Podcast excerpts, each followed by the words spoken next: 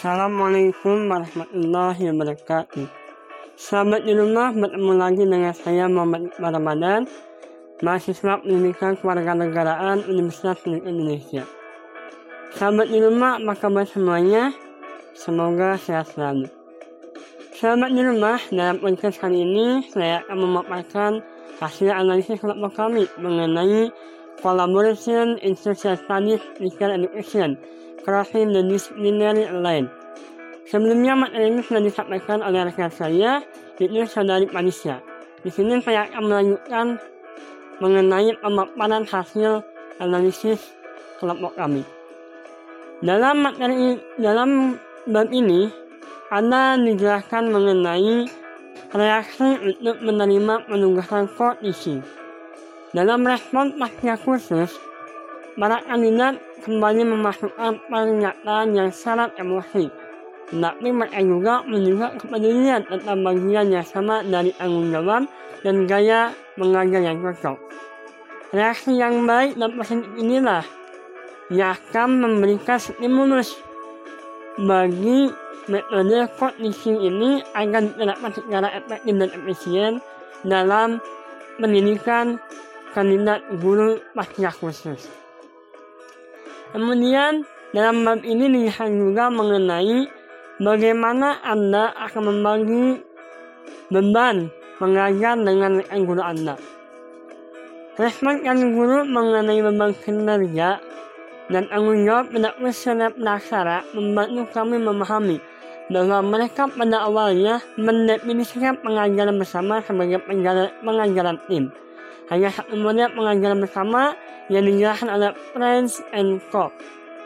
Beberapa kandidat pendidikan khusus mengatakan ada dua metode untuk membagikan beban mengajar dengan guru. Yaitu metode pertama dengan cara berbagi peran. Sebagai guru utama, merencanakan semua pelajaran bersama dan memberikan pelajaran yang berdasarkan kekuatan dan pilihan terpisah. Pelajaran alternatif lah inilah yang dapat dilaksanakan. Kemudian metode kedua yaitu guru pendidikan umum harus meluangkan waktu untuk membiasakan diri dengan kegiatan di kelas dan guru percepatan harus memastikan mereka akrab dengan materi konten dan grading terpisah. Kemudian dalam bab ini dilihat juga mengenai apa yang membuat kerja kolaborasi itu berhasil. Dalam usia prakhusus, para kandidat percaya bahwa komunikasi adalah kunci dari kerja kolaborasi ini. Dalam hal itulah, dan kemampuan mereka sendiri untuk jujur dan fleksibel akan membuat kerjasama kolaborasi ini akan tercapai. Para kandidat dalam bahwa komunikasi yang efektif dalam kolaborasi profesional adalah pekerjaan yang yang membutuhkan perhatian yang konsisten ditambah dengan keterampilan dan teknik tertentu. Kemudian kami di sini menjelaskan akan menjelaskan mengenai hasil analisis bab ini. Dalam bab ini, menjelaskan tentang bagaimana kolaborasi guru dalam melaksanakan pendidikan IPS dan jenjang pendidikan yang ada di Amerika yang ada di Amerika. Tuntunan seorang guru untuk melaksanakan dan memberikan pengalaman pembelajaran bagi para siswa di lingkungan sekolah dalam meningkatkan pertanggungjawaban dan keragaman siswa dengan mempertahankan ruang kelas sebagai tempat keterlibatan, kemungkinan dan kreativitas memberikan sebuah kolaborasi yang baik antara guru, pendidik khusus, dan pendidik umum. Kolaborasi inilah yang masih dilaksanakan oleh guru antar pendidik khusus dan pendidik umum mesti bekerja sama untuk membuat inklusi yang dapat diakses dan dapat sebagai komponen penting dari persamaan untuk membantu memenuhi kebutuhan berbagai siswa.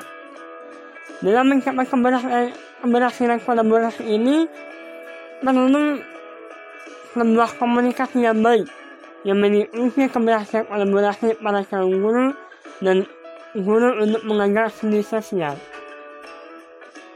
Materi ini menurut kelompok kami sangat tepat untuk kita terapkan Indonesia sebagai upaya peningkatan pendidikan IPS atau berstudi sosial di jenjang pendidikan.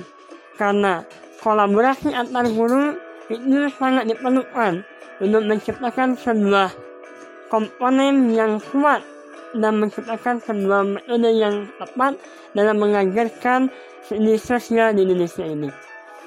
Itulah beberapa hal yang menjadi poin penting dalam analisis kami dan pemaparan kami ini mudah-mudahan diterima oleh rekan-rekan di rumah. Wassalamualaikum warahmatullahi wabarakatuh.